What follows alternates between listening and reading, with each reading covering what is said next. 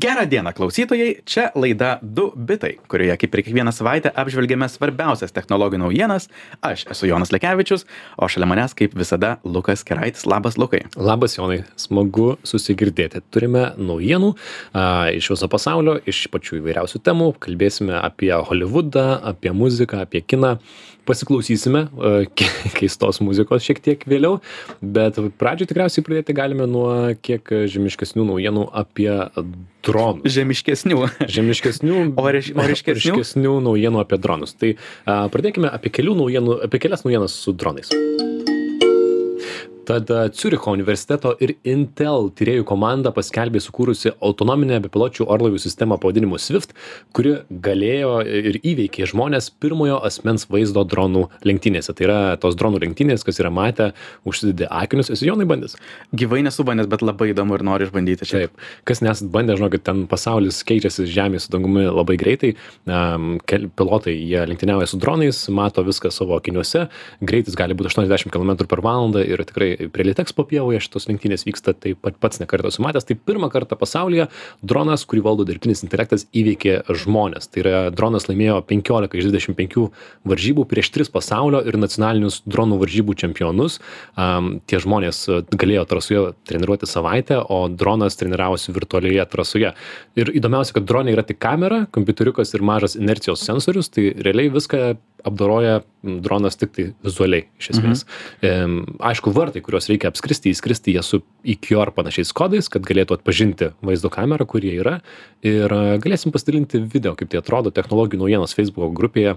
Um, štai dar vienas rytis, kur dirbtinis intelektas pralenkia mhm. žmogų. Ta- Manau, įspūdingiausias gal pasiekimas visoje šioje istorijoje yra, kaip greitai ir realiu laiku gali veikti dirbtinis intelektas, nes mes esame pratę, jog jam reikia truputuką laiko pamastyti ir pagalvoti, o kai tu skrendi 80 km per valandą, nėra laiko niekiek galvoti, turi reaguoti tą pačią milisekundę, kas vyksta, tad tikrai neblogas pasiekimas, sveikinu. Taip, tad iš esmės, na, dar 40 procentų kartų laimėjo žmonės, bet, bet galima įsivaizduoti, kad tai tik su laiku gerės. Tyrėjai sako, kad pakeitus apšvietimą, aišku, viskas netaip gerai vyksta, na, bet vis tiek nemažas pasiekimas. Man šitą naujieną primena naujieną iš 20-ųjų metų, kurią dabar atgaivino Netflix serialas Unknown Killer Robots. E, Mačiau, kad nemažai kas žiūri šitą serialą apie tai, kad DARPA organizuojamoje, organizuojamoje Alpha Dogfight turnyre, a, kovojant F-16 naikintuvais artimu atstumu, giliųjų neuroninių tinklų programa virtualioje erdvėje laimėjo prieš žmogų pilotą 5-0. Mačiau, daug kas dabar apie tai dalinasi, bet tai jau prieš porą metų įvyko, ar ne, kad dirbtinis intelektas naikintuvais taip pat aplenkia ir sušaudo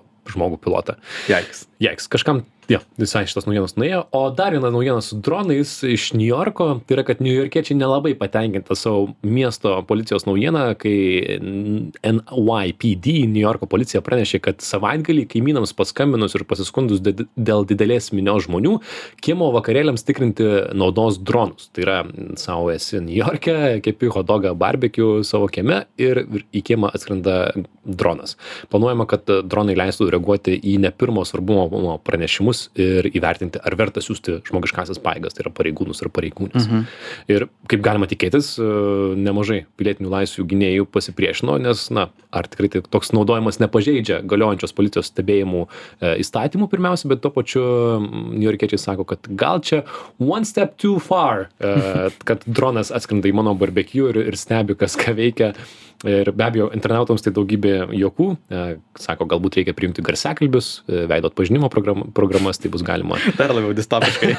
Na, nes šis žingsnis daugam atrodo šiek tiek distopiškas, skraidantis dronai, kurie prižiūri kaip vakarėlinį ir e, jeigu su veido atpažinimo programa, tai dar gali sakyti, Lukai, rašiai Facebook'e prieš savaitę, kad metai rūkyt, matau, Lukai laikas užsidegęs atversti šašlyką.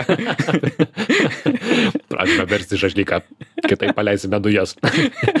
tai va, tai žodžiu, tokia e, šiek tiek jokinga, šiek tiek rimta naujiena, kur visi gal, gavo pakikenti, bet to pačiu pagalvojus, kaip patys jaustumėmės tokioje situacijoje. Tai nereikia būti, man atrodo, amerikiečių, kurie vertina privatumą labai stipriai, kad e, galvotum, hmm, kažkiek Black Mirror-ish. ar ne? Visiškai taip, bet aš šiaip pilnai suprantu ir kodėl policija to nori. Jie gali tiesiog sėdėti savo vietose prie kompiuterio ir virtualiai apeidinėti visus, visas užklausas. Taip. Lab- Labai patogu jiems sėdint. Taip, tai būtent tą komentatoriai ir sako, kad tai bus, na, pagrysta tuo, kad um, trūksta biudžeto ir panašiai, ir kad tai su- sutaupo daug laiko. Pažiūrėsim, į ką tai išsivystys. Tad tiek apie dronus, o antroji naujiena apie muziką. Šitą naujieną iš vasaros, bet norėjusi apie tai papasakoti. Tai yra šiek tiek įžangos mes jau praėjusioje laidoje pavasarį kalbėdavom ir galbūt jūs galite pastebėti socialiniuose tinkluose pasiklausyti įvairių keistenybių pavyzdžiui kaip repuoja frankas sinatra arba džoni kešas dainuoja I'm a Barbie girl in a Barbie, tik tai žemų balsu, Johnny Cash'o balsu. Tai iš esmės leidžia balso sintezės technologiją, e, kai turint pakankamai vieno balso pavyzdžių, jį galima susintetinti ir atkurti. Tai teoriškai leidžia atkurti, pavyzdžiui, sukurti Tupako dainą net ir jo, po jo mirties. Ir tai internete naudojama viskam, galima įrašyti tekstą ir jis bus įskaitytas Darth Vaderio balsu. Uh, Luke, I'm, I'm your father, ne? Ir panašus dalykai. Tai pavasarį kelios tokios dainos išėjo uh, vi virališkai.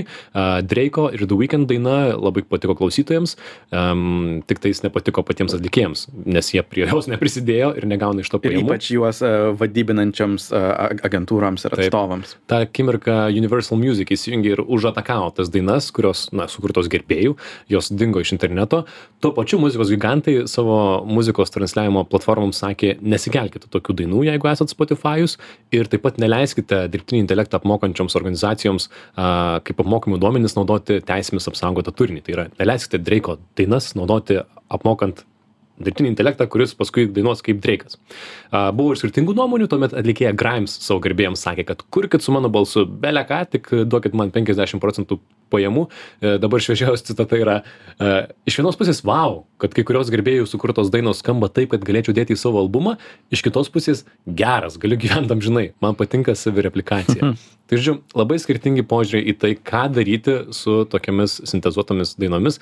Ir vieną tokių galime paklausyti, kadangi ir lietuviškų versijų atsiranda, jos yra dauguma prastos, o kitos yra dar prastesnės. Bet štai kažkas YouTube'e yra įkėlęs tokią dainą, kurios tiesiog tikiuosi dėl teisių jokių autorinių irgi mūsų dabar nieks neužkabinksite, Andriau Mamontovai ir kiti. E, Bet tai iš esmės Kalmaras iš Kempiniuko plačiakelnio dainuoja Andrius Mamonto ir Faja dainą mono arba stereo. Pasiklausykime ištraukos.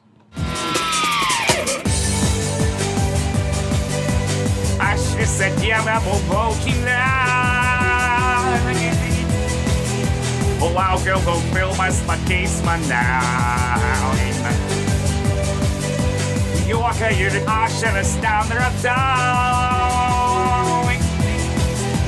Tik tavo dainą nepamačiau. Gerai, gal užteks. Tikriausiai, jeigu nebūčiau uždavęs, kad tai dainuoja Kalmaras iš Kempiniuko, būtų sunku suprasti. ar ne? Atrodo kaip toks tiesiog keistas filtras, bet mhm. kai pasakai tą kontekstą ir aš dar vizualiai įsivaizduoju Kalmarą dainuojantį tokią dainą, tai šiaip visai akinga. Taip, aš, aš matau, kad lietuviškame YouTube'e, tai man atrodo, nepilnamečiai jaunimas daugiausiai užsiema šitais kvailiojimais. Šiaip yra nebloga Remio Retro, Rockstarų coveris, kur nevadainuoja Kanye Westas. Ir tai yra skirtingos technologijos, kurios panaudotos, bet šiaip ar taip, e, šios šių savaičių, rūpiučio galbūt naujiena yra tokia, kad Google ir Universal Music derasi dėl balso sintezės technologijos ir teisių. Ką kaip detalių nėra čia tokia nutekinta informacija. Mhm. apie jokį produktą nekalbama bet šiaip ar taip a, Universal Music užima plius minus trečdalį pasaulio, pasaulio muzikos įrašų rinkos o prie ko Google? Klausimas tikriausiai. Tai aišku Google turi YouTube ir YouTube Music yra suinteresuoti išlikti šiame versle bet taip pat Google turi Music LM e, dirbtinio intelekto modelį. Mes jį taip pat leidome ar ne pavasarį am, kuris apmokytas beveik 300 tūkstančių valandų muzikos ir jisai kuria garsą iš aprašo. Pavyzdžiui įrašai melodiškas techno ir gauni tokį tokią dainą. Arba gali įkelti niūniavimą paprašai kad skambėtų kaip saksofonas ir gauni saksofono solo.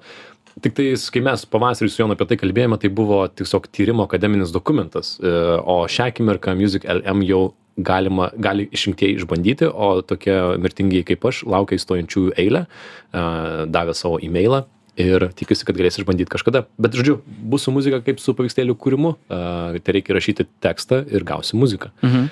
Aš manau, šiaip bendrai šitų autorinių teisų tos agentūros kaip uh, Universal Music yra keistoje pozicijoje. Iš vienos pusės jie tikrai nori atstovauti savo autorius ir garantuoti, jog nebūtų labai daug netikrų The Weekendų uh, Spotify ir YouTube. Bet iš kitos pusės, galbūt tai yra vat, jiems būdas kaip Grimes um, visgi licenzijuoti save, nes to alternatyva galbūt yra grinai algoritminiai autoriai ir tada jau jie nieko negaus jokių Mhm. penkiasdešim procentų tad keistoj tokioj būsenoj čia dabar kiek paleisti vadeles Taip, taip, nes jie pradžioj buvo, atrodo, muzikos industrija buvo susigriebę, kad o ne kas vyksta, tada suprato, kad e, galima monetizuoti net ir tokius dalykus. Ir aš šiaip būdamas dar šiek tiek ir muzikantų, uh, groju groj Šiek grupėje, tiek. šiek tiek ir muzikantų, uh, tai manau, manau, mat, matau iš to, kaip kalbasi Warner Music vadovai ir kiti tarpusavėje. Aš labai tikiu, kad ateityje netolimoje, galbūt Spotify'e, šalia grupės albumo ar singlų galėsim turėti ir atskirą skiltį, kuri bus pavadinta, pavyzdžiui, fanmade arba sukurti mhm. gerbėjų, kur atlikėjai galės netgi į albumą pasiūlyti kūrinius, kuriuos susintezavo patys. Tai yra kažkas paėmė mano grupės a, abu du vokalistų balsus, susintezavo, parašė tekstą ir sukūrė dainą tarsi būtume mes ir galbūt pasiūlys porą dainų į albumą kas bus crazy, bet aš labai tikiu, kad taip, taip gali at- o tas jau tikrai yra crazy kur tu e, turbūt perki albumą ir nežinai žinai kuri daina yra taip sakant tikra o kuri įsivaizduota Taip, bet dar tikriausiai keisčiau yra įsivaizduoti, kad bus atlikėjų, kurie muziką leis ir po 50 metų. Tai yra, Jo. ir čia, čia, čia yra šiek toks ir nerimo momentas, kai a, kažkam numirus paims tavo balsą ir sakys, na, tau gerai sekėsi. Na, ir, pavyzdžiui, kaip jaustumėtės, jeigu dabar kažkas sakytų, na tai Queensai arba Beatlai išleidžia dabar dar tris albumus per tris metus. Sugadina, sugadina, ar ne, tokius dalykus. visiškai taip Tai va.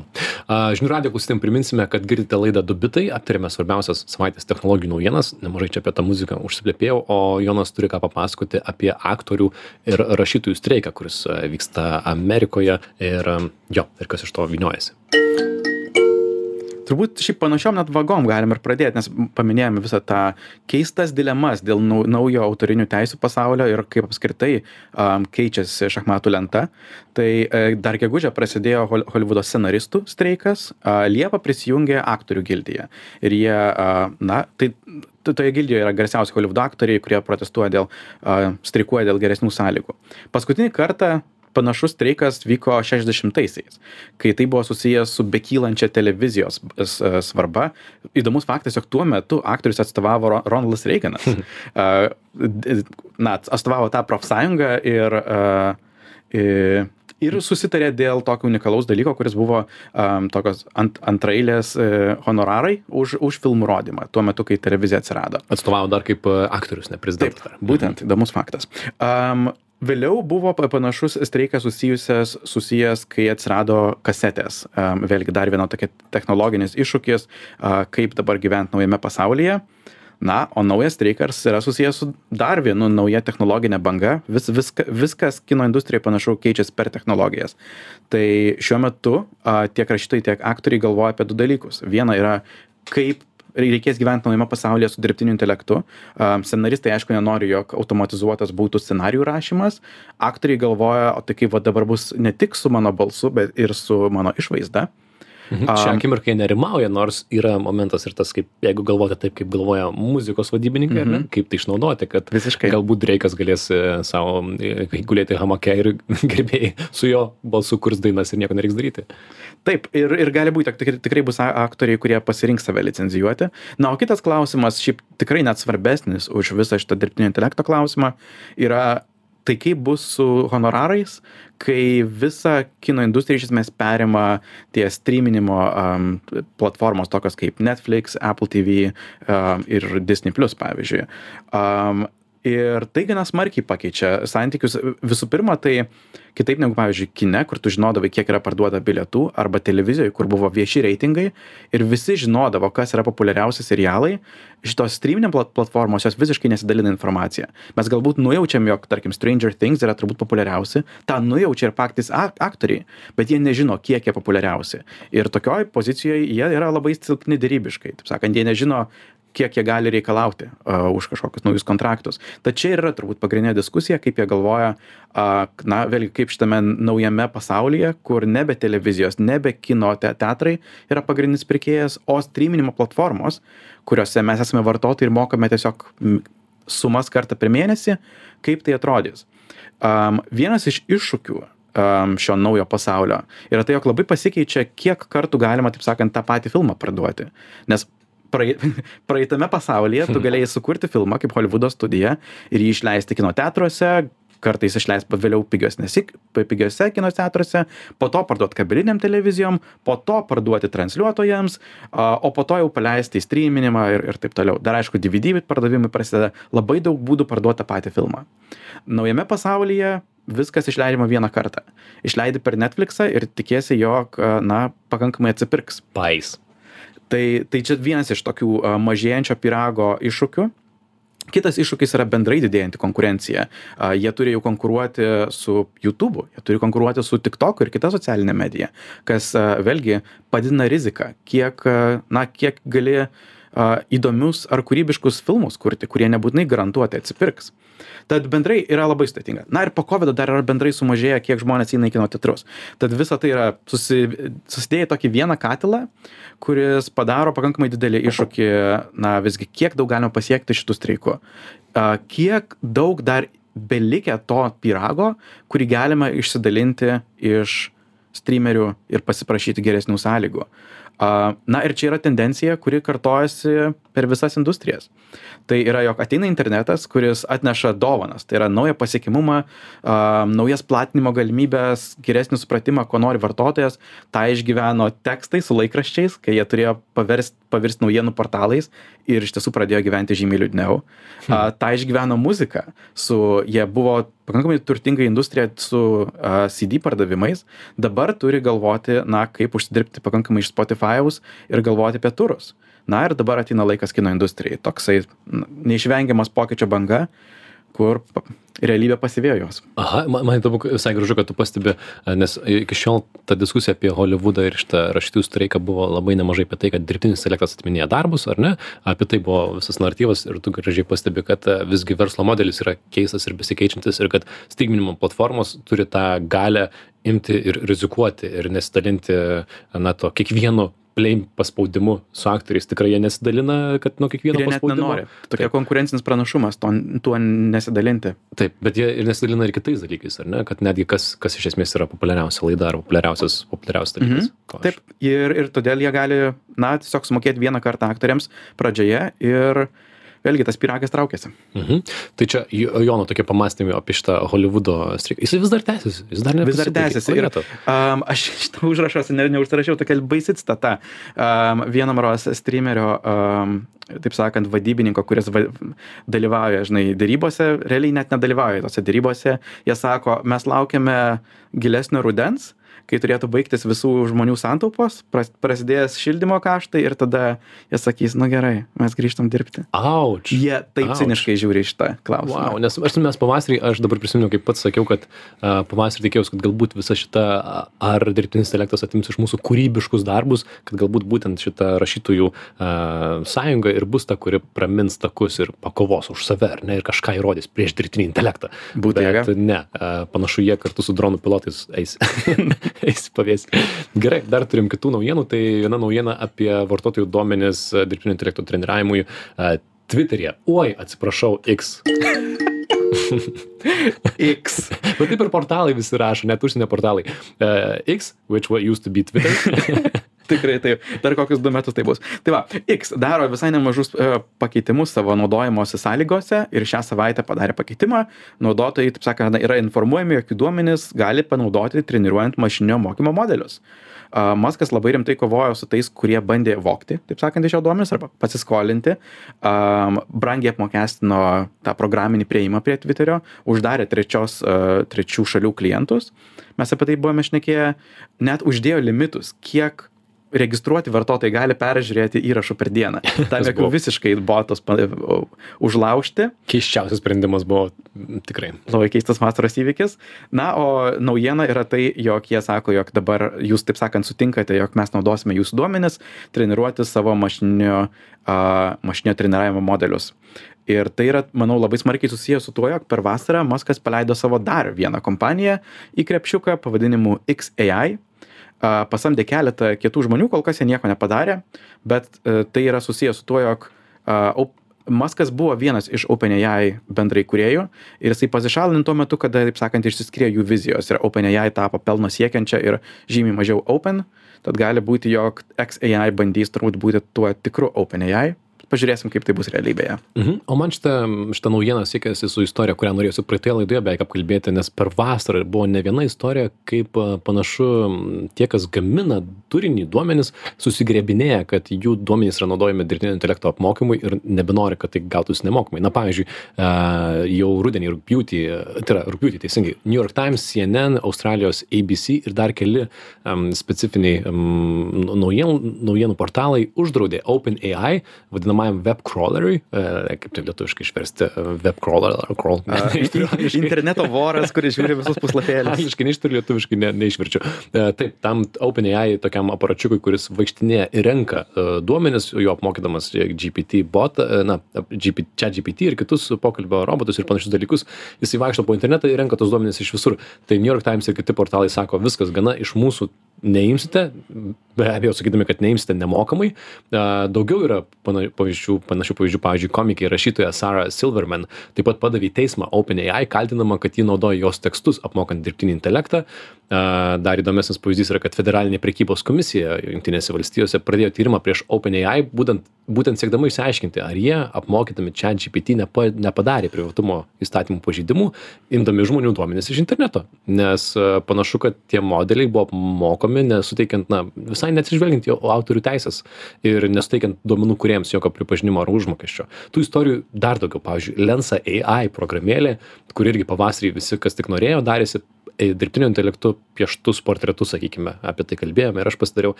Tie, kurie yra paduoti į teismą tos programėlės, už tai, kad nelegaliai naudoja naudotojų veidus, e, ne tik paveikslėlius, bet facial geometry data, tai yra trimačius mhm. modelius savo modelių apmokymui. Tai įla lenda iš maišo, kad visi, kas kuria kažką su dirbtiniu intelektu ir gauna duomenis, juos naudoja savo, savo modelių dar geresniam tobulinimui.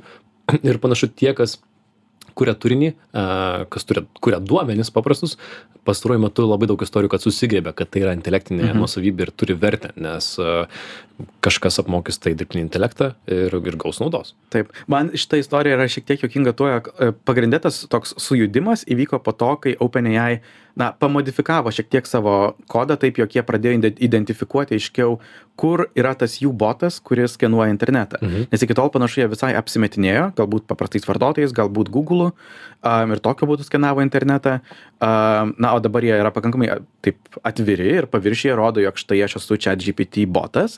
Um, ir kada žmonės jį pamato savo statistikoje, tada jau pradeda matyti, o, okei, okay, jo, reikėtų kažką dėl to daryti. Tai toks atvirumas davė per, e, na, iš kitos pusės suveikė. Tuo pačiu, bet jie patys kasė savo duopę, nes e, jau nuo pat rudens visi sakė, kad nu, jie labai open AI ar ne ir nieko netverčia tų Visiškai duomenų, kaip taip. mokosi. Tai, tai įdomu, kaip išsivystys tie, tarp kitko, teismai, nes jie gali gana skaudžiai ir jeigu atbulinė data kažkaip būtų įrodyta, kad čia GPT pažeidė privatumo įstatymus ar ne, įdomu, kokias baudas gautų OpenAI. Mhm. Galėtų būti visai skaudu.